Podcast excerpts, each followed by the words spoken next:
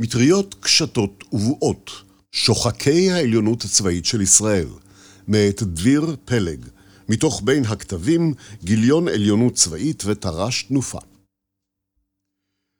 ציטוט: ובסירה אחת הבטנו לשמיים, וכשטיפות ירדו חשבנו שזו ברכה, עכשיו זו סערה, למה זה מגיע לנו, ואיך זה שלא ראינו את זה בא.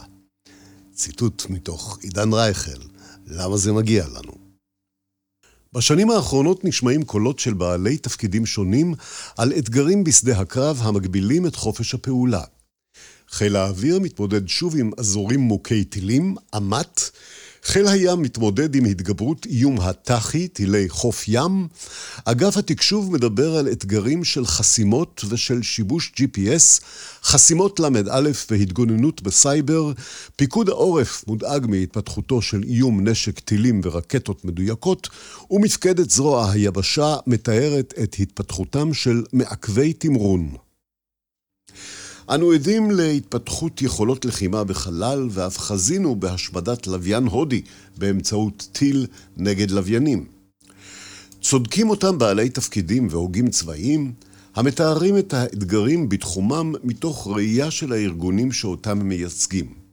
אולם להבדיל מאופן התבוננות זה, שהוא מוטה לזווית ההסתכלות של הארגונים, עוסק הצבא האמריקאי מזה שנים בפיתוח תפיסות לחימה נגד איום שאותו כינו בשם Anti-Access and Area Denial, A2AD, ובתרגום לעברית, מניעת גישה והגבלת יכולת הפעולה בשטח, מגש.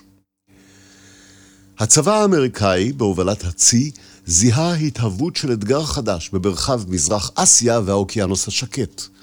האמריקאים קבעו כי פירוש המונח נגד גישה אנטי-אקסס הוא הפעולות והיכולות, לרוב בעלות טווח ארוך, שנועדו למנוע מכוח יריב להיכנס למרחב המבצעים. בעוד שפירוש המונח הגבלת הפעולה בשטח, area denial, הוא הפעולות והיכולות, לרוב בעלות טווח קצר יותר, המיועדות להגביל את חופש פעולת היריב בתוך מרחב המבצעים. באמצעות האדמירלים וההוגים האמריקאים זכינו להעמדה של תיאוריית לחימה חדשה, הגורסת כי האויבים שקולי העוצמה במזרח אסיה, סין, פיתחו רעיון ויכולות המקשות על הטלת הכוח לזירת המבצעים מחד גיסא, ומגבילות מאוד את יכולת פעולת כוחותיהם בזירת המבצעים מאידך גיסא. כשיוצגים את הבעיות שמאתגרות את צה"ל, טק"א, טח"י, תמ"ס, לוחמה אלקטרונית, מטעני חבלה, מוקשים, טילי נ"ט, לתוך התיאור האמריקאי, ניתן להבין כי יש קשר בין האתגרים הזרועים, והם כולם חלק מאותו אתגר שהומשג במונחים אמריקאים כמניעת גישה. המניפולציה של תיאוריית מניעת הגישה על החוויה המקומית של צה"ל במזרח התיכון מסבירה רק חלק מאתגרי הלחימה. מניעת הגישה לא הציגה תמונה שלמה ולא הסבירה את כל התופעות, כולל הרעיונות של העברת הלחימה לשטחנו באש ובתמרון, שאותם פיתחו צבאות הטרור, חזבאללה וחמאס. במחקר זה אנסה להעמיד תיאוריה משלימה וחלופית, ואטען כי אנו עדים להתפתחות עצומה בהגות הצבאית של הצד השני, יצירתה של גישה תפיסתית חדשה, שאותה טרם המשגנו כמסגרת תאורטית. גישה זו היא גל התגובה למהפכה בעניינים צבאיים, טכנולוגיית המידע, ITRMA, שעברו המערב וישראל לפני 30 שנה. גל תגובה זה של האויב גם הוא פרי של אותה המהפכה בעניינים צבאיים שעברו באיחור צבאות תעשייתיים שאינם מערביים וצבאות טרור. החידוש במחקר הוא בהעמדת צורה מערכתית חדשה שאותה המשגנו כתשלובת התגוננות על נכסי תקיפה. התיאוריה של תשלובת התגוננות תקיפה האויב פועל תחת היגיון של דחיקה אסטרטגית, כלומר חתירה להגמוניה אזורית ודחיקת המערב וישראל בחסות איום באש. הצורה המערכתית שמאפשרת את ההיגיון הזה היא תשלובת התגוננות תקיפה, קרי מאחזים מוגנים בגבולות, גבולותינו במקרה הישראלי, שמהם ניתן לאיים באש על המדינה השכנה, או למעשה על צבאות טרור מבוססי תמ"ס.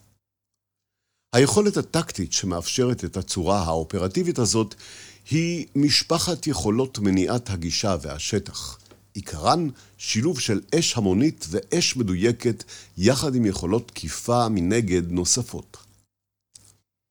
דומיננטיות האש אנו חיים בעידן שבו יכולות תקיפה מנגד, stand-off, מאיימות על חופש התנועה בשדה הקרב. האיום נובע מכמות אמצעי התקיפה מנגד ומגיוונם. מנגד, stand-off, משמעותו יכולת תקיפה ממרחק בטוח יחסית מחוץ ליכולת התגובה של המטרה. דומיננטיות הדיוק אנו חיים בעידן שבו כל הרכיבים במערכת היכולות ההופכים למדויקים.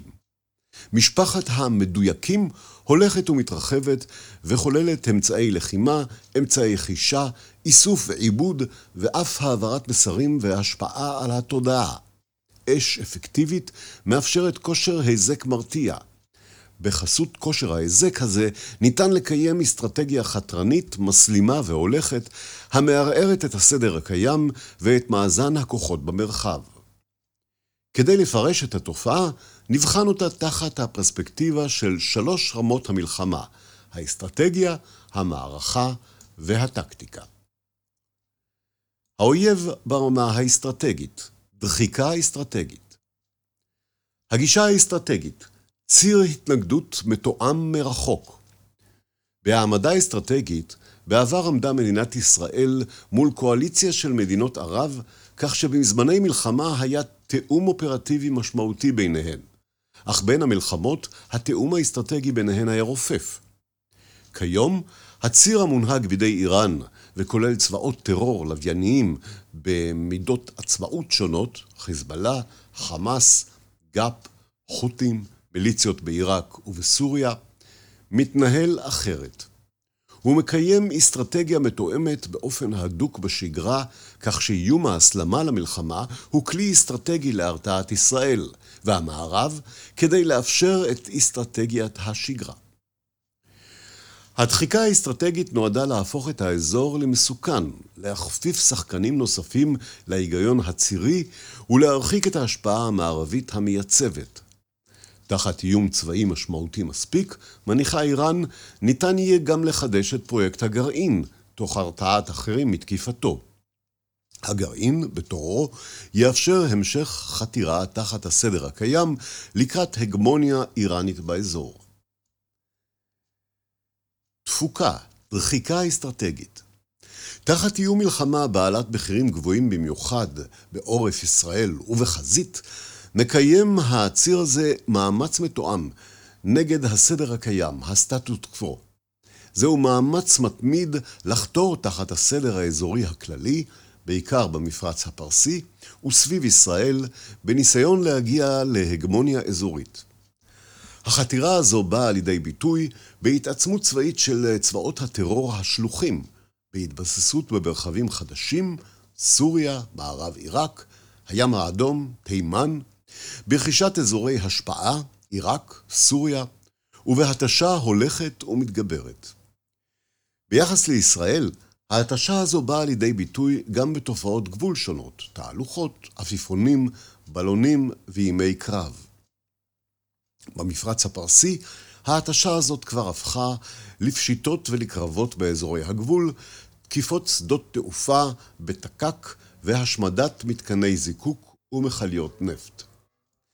בעידן שבו יכולות מניעת הגישה מאיימות באופן אפקטיבי על פלטפורמות ניידות, טנקים, ספינות ומטוסים, תשלובות התגוננות תקיפה יגבו מחיר גבוה מהתוקף ולכן מהוות ביחד עם מערכת האש האסטרטגית לעורף, כלי מרתיע ומרסן ברמה האסטרטגית. בחסות ההרתעה ניתן לנהל התשה נמוכת עצימות לאורך הגבולות ופעילות חתרנית.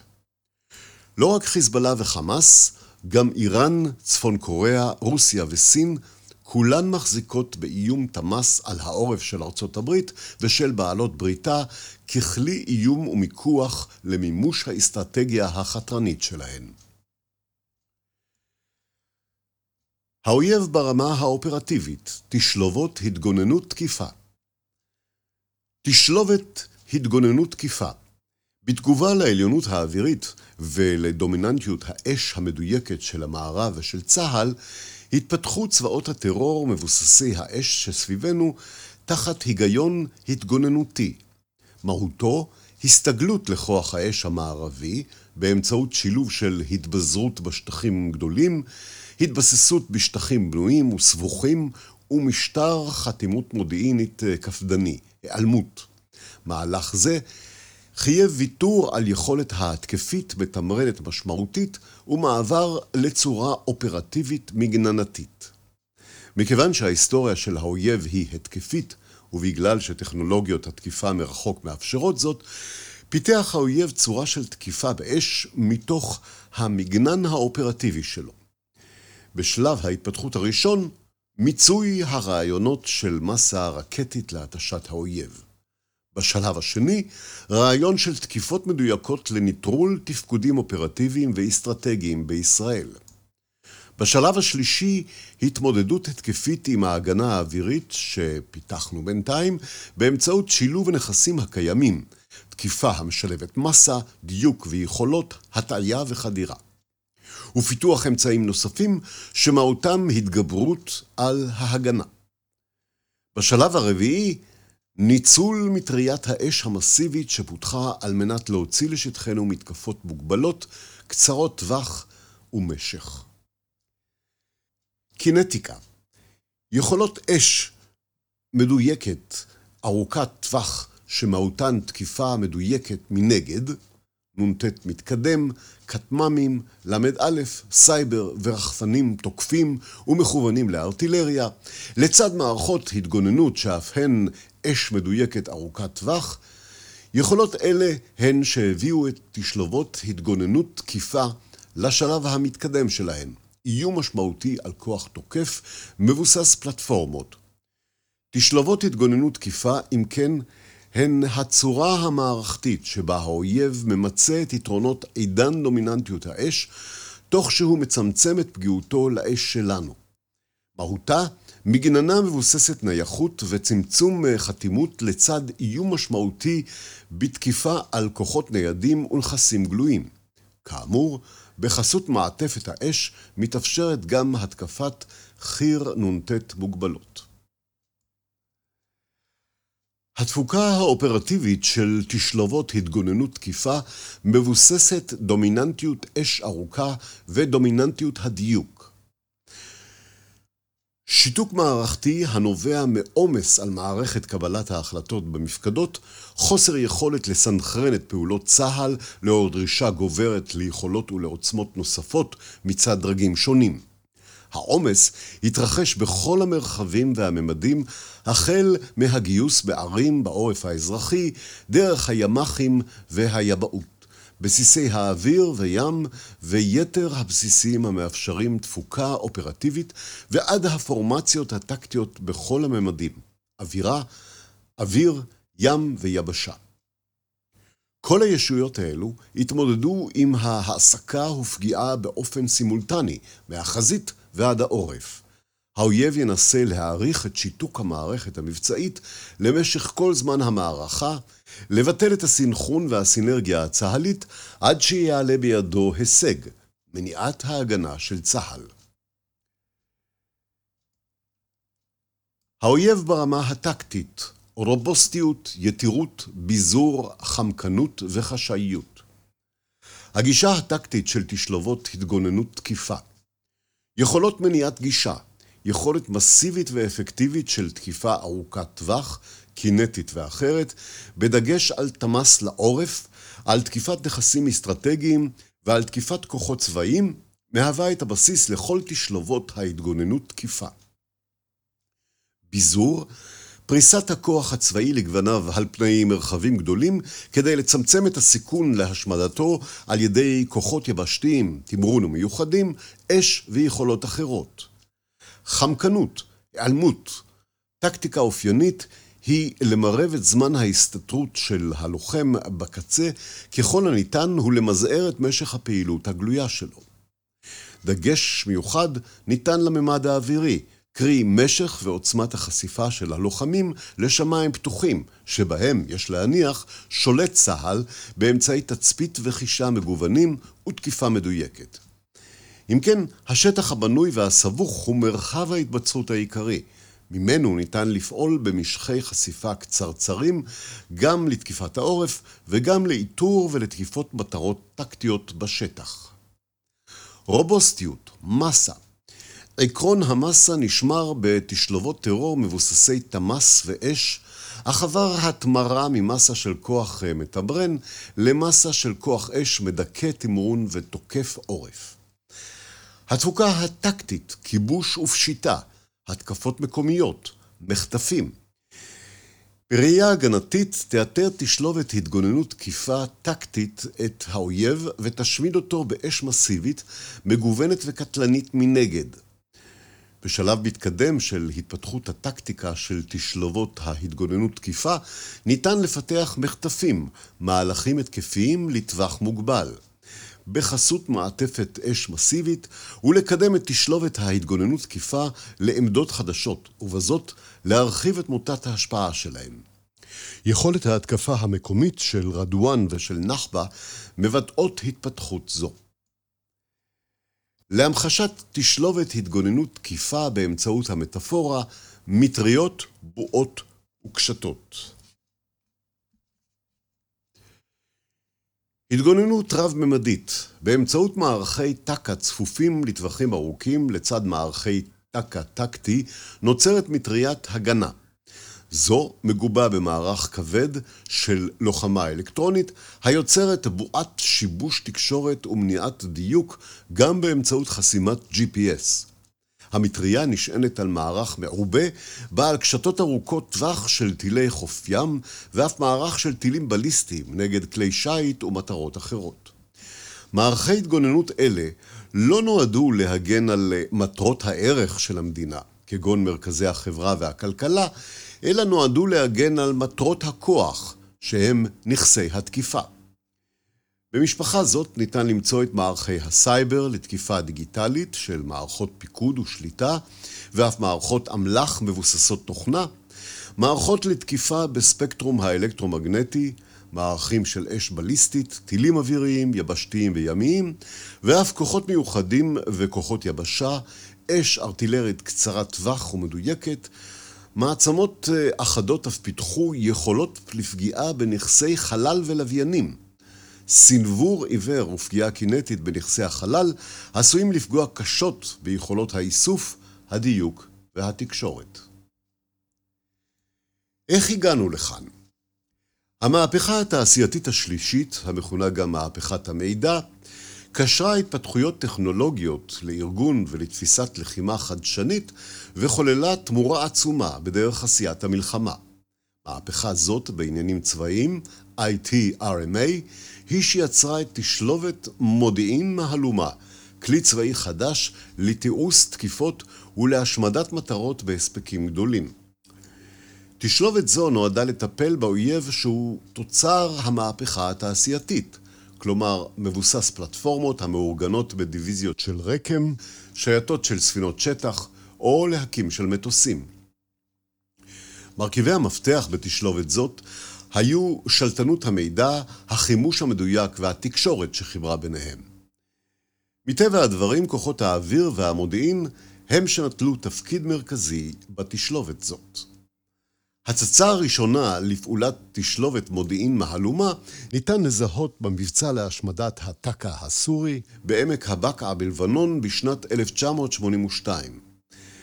במלחמת המפרץ, 1991, סופקה הדגמה רחבה יותר למפגש בין צבא תשלובת המודיעין מהלומה האמריקאי לצבא הממוכן העיראקי המבוסס אה, ההיגיון התעשייתי שהתנפץ לרסיסים לאחר מערכת תקיפה אווירית ארוכה ומאה שעות של מערכה קרקעית. בלית ברירה נאלץ הצד השני להסתגל לעליונות שיצרה תשלובת מודיעין מהלומה. ניתן לזהות שני דגמים של צורת ההסתגלות. הדגם הראשון הוא צבאות טרור תת-מדינתיים, והדגם השני הוא צבא שקול עוצמה. שני הדגמים אימצו עקרונות דומים, אם כי שונים זה מזה באמל"ח ובצורת ההסתגלות. נקודת המוצא הייתה התמרון הממוכן מבוסס על פלטפורמות והצורה המערכתית הייתה האוגדה. למערב היה נדמה כי האתגר הכמותי שהציבה ברית ורשה עלול להסב לתבוסה. מהפכת הדיוק מנגד של המערב והדגמת העליונות במלחמת אה, המפרץ 1991 השיבו את היתרון למערב. הצורה המערכתית המאפיינת תקופה זאת הייתה תשלובת מודיעין מהלומה. מהפכת הדיוק מנגד חוללה גל תגובה בקרב אויבים אסימטריים וצבאות שקולי עוצמה. האויב האסימטרי הסתגל לעליונות המודיעין והאש וצבאות שקולי עוצמה עברו בעצמם את מהפכת האש המדויקת מנגד. בעוד שהמערב המשיך לפתח את תפיסתו ללחימה מנגד מבוססת רשת, הסתגלו אויביו ושיפרו את יכולת השרידות באמצעות היעלמות ופיתוח יכולות מניעת גישה. יצירת תשלובות התגוננות תקיפה הביאה לקיפאון מחודש בלחימה וכאמור לתחרות מטחים מנגד. נראה כי המענה המערבי הנוכחי, ובכלל זה הישראלי, הוא תפיסת מבצעים רב-ממדיים בנוכחות מניעת גישה. התכלית ברב-ממדיות הינה ליצור חלון של עליונות מקומית וזמנית באמצעות כינוס יכולות בכלל הממדים לצורך הכרעת האויב.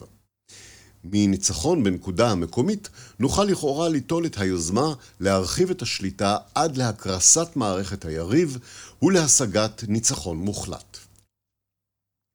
כיום, לאחר 30 שנות עליונות ויתרון מערבי, שבהם הפכה הפעלת אש מדויקת להיות דרך הפעולה המועדפת על צה"ל ועל מדינת ישראל, אנו עדים לתופעה שבה עוברים אויבינו וצבאות נוספים את מהפכת האש שלהם. התקיפה האיראנית של מתקני הנפט בסעודיה, באבקייק ובאל-חורז בספטמבר 2019 היא דוגמה למהפכת האש שעברו האיראנים. בתקיפה זו הופגנה תקיפה מדויקת וקטלנית באמצעות כטמ"מים וטילי אישיות קומפקטיים על בסיס מודיעין מדויק. תקיפה זו נחתה בהפתעה מלאה, גרמה לנזק מיידי לתעשיית הנפט ויצרה מבוכה רבה במערך ההתגוננות הסעודית. הפער נסגר ושני צדדי העימות הגיעו לאותה צורה מערכתית, תשלובת התגוננות תקיפה. התוצאה של מאבק בין שתי התשלובות האלה, זו בזו, היא נקודת קיפאון חדשה בלחימה המומשגת כתחרות המטחים. תחרות המטחים היא ההסבר התאורטי לתופעה של מטחי ירי של תוקף הפוגשים מטחי הגנה של מתגונן. תופעה זו ניתן לזהות בדפוס הפעולה של חמאס המשגר מטחי רקטות לערי ישראל כדי להתגבר על מטחי ההתגוננות של כיפת ברזל בניסיון להחדיר רקטות אחדות ולפגוע בשטח הבנוי. דוגמה נוספת הם דיווחי צבא סוריה כי צה"ל תקף אותם וכי מערכות ההגנה שלהם יורטו חימושים רבים, לצד העובדה כי כמה חימושים הצליחו לחדור את ההגנה ולפגוע במדויק במטרות. התוצאה הנובעת מתחרות המטחים היא התחזית לכך שהתוקף יצטרך לקיים יותר גיחות ולהשתמש ביותר חימושים לתקיפת מטרותיו. מי שיתפוס את מניעת הגישה מתוך הסתכלות הוליסטית, יבין שבלב המורכבות מצוי האתגר הרב-ממדי. בכדי להתגבר על תשלובת ההתגוננות ולפגוע במטרות, צריך הצד התוקף להתגבר על מערכות הפועלות בממדים שונים וחופפות באותם מרחב וזמן נתונים. מערכות שנועדו להתמודד עם תקיפה מדויקת מנגד. בעבר, כדי להשמיד טנק אויב בשדה הקרב, היה צריך להגיע עד לקרבת הטנק ולפגוע בו. אך כעת, נוכח תשלובת התגוננות תקיפה, על מנת להשמיד מטרה בשדה הקרב, יש להתמודד עם מערכי ההגנה או ההגנה החופית, עם שיבוש יכולת הדיוק GPS של הפלטפורמות ושל החימושים, עם שיבוש וחסימת התקשורת בספקטרום האלקטרומגנטי, להתעלם ממלכודות מקם, להתמודד עם אה, ניסיונות צנבור של מערך האיסוף הלווייני, להגן על מערכת הפוש מפני אה, פוגעני סבר, ורק לבסוף להצליח לפגוע בטנק האויב. אלא שמרבית המטרות של אה, צבאות הטרור אינן טנק, כי אם נשק תמ"ס אויב הנמצא במבנה או גרוע מכך, פועל מתוך התווך התת-קרקעי. כל אלה מלמדים אותנו שלא רק מחיר הנוכחות בשדה הקרב עלה פלאים, אלא שגם המחיר, תשומות המשאבים הצבאית להשמדת המטרות, התייקר. יתרה מכך, גם אם השקענו את המשאבים הדרושים להשמדת המטרה, חלף זמן והאויב, בדמות רקטות, כבר לא נמצא ביעד.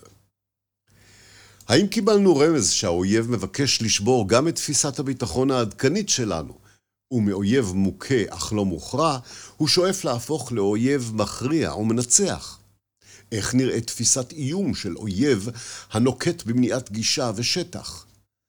הבלחה ראשונה או רמז ראשון נתן לנו אנואר סאדאת שהבין שבחסות מערך טק"א מסיבי ובחיפוי של אש ארטילרית, ביכולתו להעביר את הלחימה לגדה המזרחית של תעלת סואץ, לנהל מלחמה מוגבלת, ובכך לשבור את תפיסת הביטחון הישראלית ולהשיג את יעדיו האסטרטגיים. המצרים מנעו מצה"ל את יכולות הפעולה במרחב ההשפעה של מטריית ההגנה וקשתות הנ"ט. יישום זה, תשלובת התגוננות תקופה, אפשר למצרים קוהרנטיות גבוהה בין האינטרסים האסטרטגיים של סאדאת לכושר הטקטי של צבא מצרים בשדה הקרב. ניתן היה לצפות שאחרי המלחמה צה"ל יכיר בתופעה החדשה ויפתח דוקטרינה רלוונטית להתמודדות מול תשלובת ההתגוננות תקיפה המצרית. האם צה"ל באמת זיהה את התופעה והפיק את התובנות הנדרשות? כוחות היבשה של צה"ל לא השכילו להשתנות בהתאם, אלא מיהרו להצטייד בעוד אלפי טנקים וטומטים שהיוו פתרון שכולו עוד מאותו דבר, אשר במבחן המלחמה הקודמת לא הצליח להתגבר על אסטרטגיית מניעת הגישה שטח. כל זאת, רק בכדי לגלות את תשלובת ההתגוננות התקיפה על גדרות רמת הגולן בשנות התשעים. גישת ה-A2AD הסורית, הקרב הקרוב. מאז הסכם השלום בין ישראל למצרים ולאחר מלחמת שלום הגליל, האסטרטגיה של הצבא הסורי הייתה השגת איזון אסטרטגי עם ישראל. השתתפות הסורים במבצע הסופה במדבר, כחלק מהקואליציה האמריקאית, עוררה אצלם תהליך למידה משמעותי.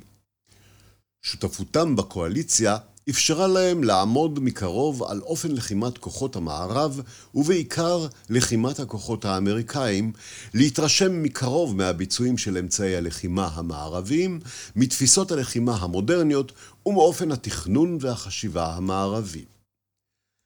הסורים, שנחשפו לצורה המערכתית של צבא ארצות הברית, תשלובת המודיעין מהלומה, אשר הדגישה את הפעלת הנשק המדויק ואת שיתוק מערכות השליטה והתקשורת, ושזיכרון השמדת מערך הטק"א שפרסו בבקעת הלבנון בשנת 1982 בידי חיל האוויר הישראלי טרם נשכח, הגיעו למסקנה כי עליהם לשפר את יכולת ההתגוננות מפני התקפה אווירית, לחסן את אמצעי התקשורת ולשפר את יכולת התקיפה באמצעות טילי קרקע-קרקע.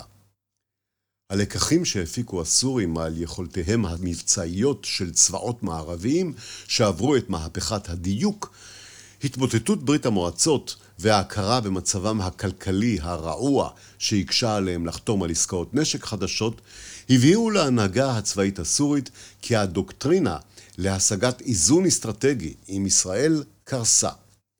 מתוך הכרה מפוכחת במגבלות כוחה של סוריה וחולשתה הצבאית היחסית, נהגתה דוקטרינה חדשה של מספיקות הגנתית סבירה, שמשמעותה הרתעת ישראל ממלחמה בהתבסס על היכולת לגרום לישראל לאבדות בלתי נסבלות בתגובה להתקפה הישראלית, באופן שיאלץ את ישראל לשקול היטב את האופציות שלה לפני שתתכנן מהלך התקפי. לשם כך, נטשה סוריה את השאיפה להכריע את ישראל וגיבשה תפיסת לחימה אופרטיבית עדכנית ובניין כוח מותאם. המתכננים הסורים הגו צורה מערכתית של תשלובת התגוננות תקיפה, תפיסה שצה"ל כינה בשם הקרב הקרוב. אם בעבר ניתנה העדיפות לבניית מערכים משוריינים ומאוכנים כחלק אה, מתפיסת התמרון למרכז הכובד של האויב, הרי שבראש סדר העדיפויות החדש הועמדו מערכי ההגנה, התק"ק, החי"ר, הקומנדו, הנ"ט והארטילריה. הסורים הצטיידו ביכולות מונעות גישה בכמויות גדולות בכדי לקזז את יתרונות צה"ל, מודיעין ואש מדויקת, רכיב ההתגוננות אה, חוזק ומערך הגנה אווירית נפרס מעל מרכזי השלטון והנכסים הצבאיים העיקריים. ההתגוננות התבססה על עשרות צוללות טק"א ארוכות טווח הסורים לא הסתפקו במערכות אלה והתעניינו ברכש מערכות רוסיות מתקדמות. את הרתעת ישראל ביססו הסורים על אש ארוכת טווח, תק"ק ונשק כימי. תשלובת ההתגוננות תקיפה הגנה על נמלי הים באמצעות יכולות מניעת גישה שטח כמו טילי חוף ים מדגם C-802. בשנת 2012 רכשו הסורים מרוסיה עשרות טילי שיוט אלכוהוליים נגד ספינות מדגם יחונת לטווח של 300 קילומטר, בעוד שמרכיב התקיפה הימי נותר ספינות הטירילים הסוריות. צה"ל תפס את גישת הקרב הקרוב הסורית כגישה שמטרתה לשבש את המתקפה הצה"לית ולקזז את היתרונות הצה"לים המתבססים על תמרון ועל תקיפות באש מדויקת.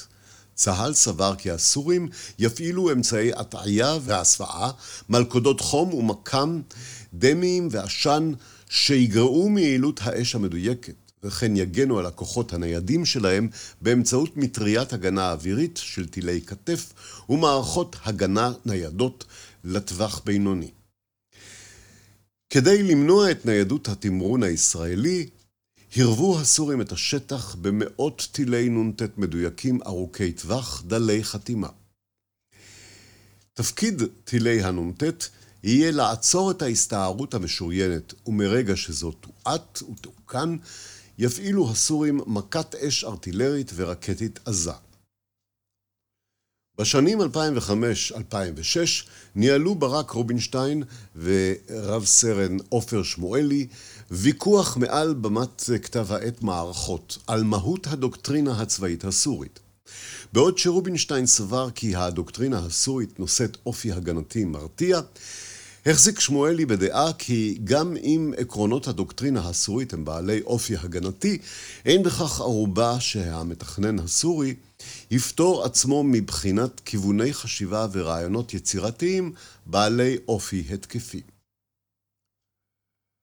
כך חלחלה למפקדים ולמתכננים הישראלים ההכרה כי לרעיון הסורי של מניעת הגישה ולתשלובת התגוננות תקיפה שלו קיימת גם אפליקציה התקפית. תיאור של יישום רעיון התקפי כזה עשוי לכלול הפעלת אש לעומק, בעיקר אוויר ותק"ק, פגיעה במפקדות ובריכוזי כוחות, תקיפה רחבת היקף באש ארטילרית ובאש שטוחת מסלול על מוצבי קו המגע בכדי לשבור את ההדדיות בהגנה. בחסות האש הארטילרית, החדרה סימולטנית של כוחות קומנדו נ"ט לתפיסת השטח השולט, קו הטילים ופיצוח מוצבי קו המגע, הפעלת כוחות חי"ר וקומנדו נ"ט בצוותי כוחות קטנים שתכליתם לבלום את התקפות הנגד של עוצבות השריון הישראלית באמצעות מסכי הנ"ט. הלחימה בסוריה, המעורבות הרוסית וההשפעות על צה"ל. אזור ההגנה בצפון מערב סוריה מעניין אותנו כישראלים, הוא מהווה מודל לאזור הגנה, אולם הימצאותו בקרבה למדינת ישראל מקרין גם עלינו. בשנת 2015 החליטו הרוסים להתערב במלחמת האזרחים הסורית. ברמה המערכתית, מוסקבה נטלה על עצמה את ניהול המערכה ואת הסיוע באש, והותירה את האחריות של הלחימה היבשתית על חברי הקואליציה שלה. לשם כך, חכרו הרוסים נמל ימי בטרטוס ובסיס אוויר בחמימים. פריסת הכוחות הרוסיים באזור ההגנה מציגה צורה מערכתית של תשלובת התגוננות תקיפה. גורמי ההתגוננות כוללים מטוסי יירוט, מערכות הגנה, מערכות הגנת חוף מדגם בסטיון ומערכות לוחמה אלקטרונית מדגם קרסטוחה 4, צוללות להגנה מפני כלי שיט וצוללות אייב, מערכות מכ"ם ומגוון מערכות לגילוי אווירי. מערכות התקיפה כוללות מטוסי תקיפה, מערכת התק"ק מדויקת, כוחות מיוחדים, ארטילריה, ספינות שטח נושאות טילים, ובתקופת עצימות אפילו נושאת מטוסים. אופן הפעלת הכוחות במערכה בסוריה מציג הפעלה של מערכי ההתגוננות מפני תקיפות של המורדים באמצעות כטב"מים ורקטות בניסיון לפגוע באמצעי התקיפה. לצד הפעלה מסיבית של מערכי התקיפה האוויריים והימיים לפגיעה במטרות של אויבי המשטר. סיפור זה הולך ונעשה מעניין בהקשר הישראלי, כאשר מערכת ההתגוננות הסורית חוסה בצל מערכת ההתגוננות הרוסית, בה בעת שהאינטרס הישראלי דורש לתקוף במרחבים אלו מערכות נשק מפר איזון של הציר איראן-חיזבאללה. זהו סיפור מורכב ביותר, גם ללא האפקט הגלוקלי שלו, שמעצים אותו מאוד. הכוונה באפקט הגלוקלי היא להצבת מערכות שייעודן המקורי הוא לעמוד מול איום גלובלי מעצימתי, ומכאן שטווחיהן מאות ואלפי קילומטרים.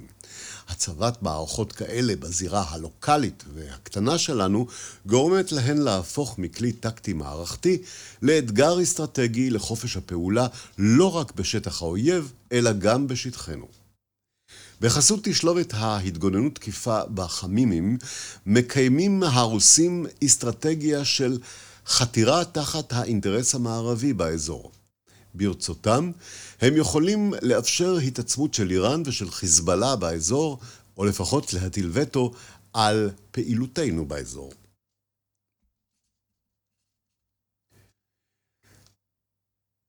תשלובת התגוננות תקיפה של חיזבאללה, כיבוש הגליל. הדיון שעשינו עד כאן מאפשר לנו להתבונן על האתגר הלבנוני בפרספקטיבה שונה, כזו המאפשרת לתאר את הבעיה באופן מערכתי יותר, שדרכו ניתן להסתכל עלינו, על צה"ל.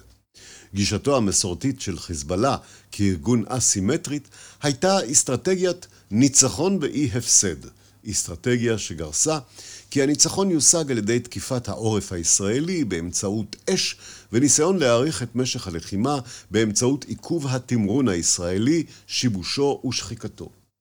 הצורה המערכתית-אופרטיבית בגישה זו נועדה להעביר את הלחימה מהשטח הפתוח לשטח הבנוי, ובכך להכריח את כוחות היבשה של צה"ל לפצל את כוחם ולנהל לחימה בו זמנית בעשרות מוקדי שטח בנוי ובנוכחות אוכלוסייה אזרחית בכדי לדכא את האש. הרחבת פריסת כוחות חיזבאללה גם מצפון לנהר הליטני וחימושם בטילי נ"ט מתקדמים יחייבו את כוחות היבשה הצה"ליים למתוח את הקווים ובכך להיחשף למסך אש המורכב מטילי נ"ט וממטעני חבלה. בזאת, מקווים בחיזבאללה לא רק לשחוק את טורי השריון הישראלים ולבלון אותם, אלא גם להאריך את משך הלחימה. במקביל ללחימה הקרקעית וליכולותיו המשופרות של חיזבאללה לפגוע בעורף הישראלי באמצעות הרחבת ארסנל הרקטות והטילים. הגדלה משמעותית של כמות הרקטות ופיזורם במרחב לצורך שיפור השרידות, הארכת טווחי הירי לצד הגדלת הראש הקרבי של הרקטות, כל זאת הגביר באופן משמעותי את היקף הנזק, ובכך עשוי להפוך את מרקם החיים בעורף הישראלי בכל שטח מדינת ישראל לבלתי נסבלים. יכולות לחימה אלה של חיזבאללה, המאפשרות פעולה במקביל הן בחזית והן מעומק השטח הלבנוני, מאפשרות לו לקיים רציפות הגנתית והתקפית, בעוד מרבית כוחות היבשה של צה"ל נלחמים מולו בדרום לבנון, אש המכוונת לעורף מדינת ישראל נורית מעומק השטח, מרחבים שהתמרון הקרקעי של צה"ל יידרש לזמן רב עד הגעתו אליהם.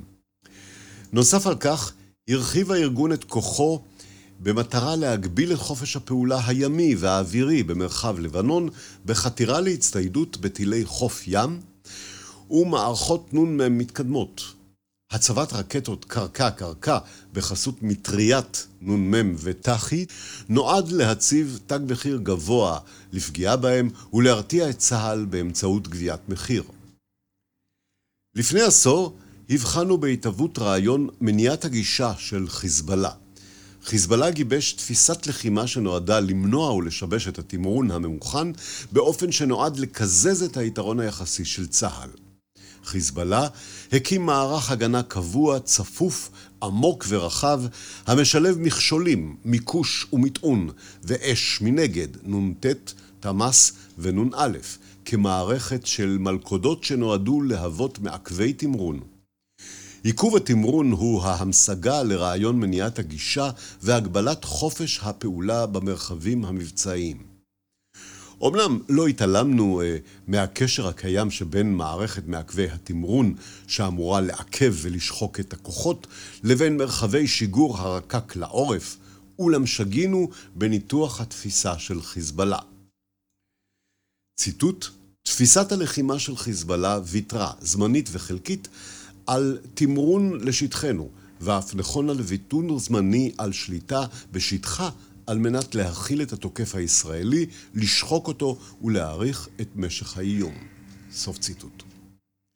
זאת בעת שכבר בפברואר 2011, כשנתיים קודם לכן, התברר כי חיזבאללה פיתח את התוכנית המבצעית לכיבוש הגליל, שמהווה הלכה למעשה את היישום ההתקפי של תשלובת ההתגוננות תקיפה.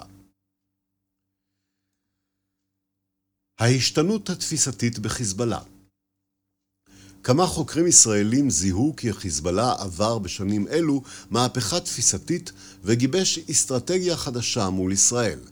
סגן אלוף נון טען במאמרו במערכות כי חיזבאללה עבר לאסטרטגיה של קיצור המלחמה, שעיקרה נטילת היוזמה, הפעלת סל כלים צבאי מגוון, הכולל פשיטות קרקעיות ופגיעה במטרות בעורף האסטרטגי, כמו בסיסי חיל אוויר ותשתיות חשובות באמצעות אש ארוכה ומדויקת. ולנסי ושוויצר טענו כי חיזבאללה עבר לאסטרטגיה של שוויון אסטרטגי, המתבססת על יכולות צבאיות מתקדמות של צבא סדיר, המסוגל להשיב לישראל מידה כנגד מידה לפעולותיה התוקפניות, מאזן נזק הדדי. כך טען גם שפיר, כי חיזבאללה הוא צבא מודרני, מאורגן, מאומן ומצויד היטב, והמחזיק בדוקטרינת לחימה. את הביטוי לגישה זאת ניתן למצוא ברעיון העברת הלחימה לשטח ישראל, כיבוש יישוב ושטח ישראלי, ובכך ליצור משוואה חדשה של תקיפת תשתית בעורף האסטרטגי, והיכולת לגרום למות עשרות אלפי בני אדם כתגובה לדוקטרינת הדחיה וליכולות חיל האוויר. דוקטרינת הלחימה הייחודית, על פי שפיר ובוחבוט, היא היישום ההתקפי וההגנתי של חיזבאללה את רעיון מניעת הגישה השטח במרחב המבצעים. זהו למעשה היישום של צבא טרור לתשלובת ההתגוננות תקיפה.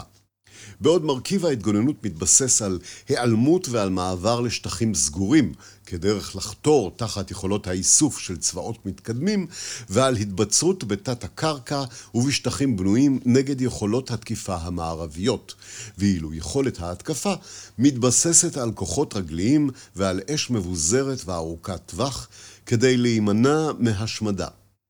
לאור תיאור זה, נראה כי גם צבאות הטרור הגיעו למסקנה המתבקשת כי בעידן המלחמה הנוכחי, זרוע מרכזית היא האש הטילית המדויקת, תלולת המסלול ושטוחת המסלול. סיכום במאמר זה הוצגה לראשונה צורה מערכתית המסנכרנת יכולות מכמה ממדים מתוך מאחזים מוגנים שמהם ניתן לאיים בתקיפת האויב מנגד. צורה זאת מייצרת היגיון של דחיקה אסטרטגית, תפוקתה האופרטיבית היא צמצום הפגיעות לאש ושיתוק האויב באמצעות חופש פעולה לתקיפה, והיא ניכרת בהפעלה של אש מדויקת מנגד, ספקטרום, סבר מבוסס רשת, להתגוננות ולתקיפה. ברובד המערכתי, שיתקה תשלובת ההתגוננות את הניידות האסטרטגית והאופרטיבית במרחב עצום של אלפי קילומטרים רבועים. ברובד הטקטי, שיתקה תשלובת ההתגוננות את יכולת הניידות בשדה הקרב ודיכאה את חופש הפעולה. שיתוק זה מאפשר להרחיק יריבים בעלי עוצמה עדיפה, להלום בהם באמצעות אש מדויקת ארוכת טווח ואף לתקוף אותם. בממד האסטרטגי יש בכוחה של תשלובת התגוננות תקיפה לדחוק כוחות יריבים ממרחב ההשפעה עד קצה טווחיה האפקטיביים. לפיכך, השילוב בין הגנה רב-ממדית קבועה לצד מוכנות של נכסי תקיפה מהווים שילוב חזק בעל עליונות קבועה המעמידה מחיר אסטרטגי גבוה לכל מי שרוצה לתקוף אותה ובכך למעשה מאפשרת לצבאות הטרור לפעול באסטרטגיה מתריסה וזוחלת החותרת תחת הסטטוס קוו המערבי. תשלבות ההתגוננות תקיפה מבוססות יכולות אש מדויקת ארוכה הן התפתחות אוניברסלית. הן פועל יוצא מהסיטואציה ההיסטורית הנוכחית בעולם הצבאי, שמהותה דומיננטיות האש על פני התנועה. ניתן לתאר כך לא רק את חיזבאללה ואת חמאס, אלא גם את הצורה המערכתית המרכזית שנוקדים בה צבאות סין ורוסיה בים סין ובמזרח אירופה, בהתאמה, כדי uh, לממש אסטרטגיה ארוכת טווח, שמהותה דחיקה אסטרטגית של ארצות הברית משם. המושג האמריקאי לאתגר שהציבו בפניהם אויביהם שקולי העוצמה, סינים ורוסיים, הוא A2AD, Anti-Access Area Denial. חולשת המושג A2AD היא בהיותו ריק ונגטיבי, ומתקשה ליצור הבנה של מרכזיות וחריפות האתגר.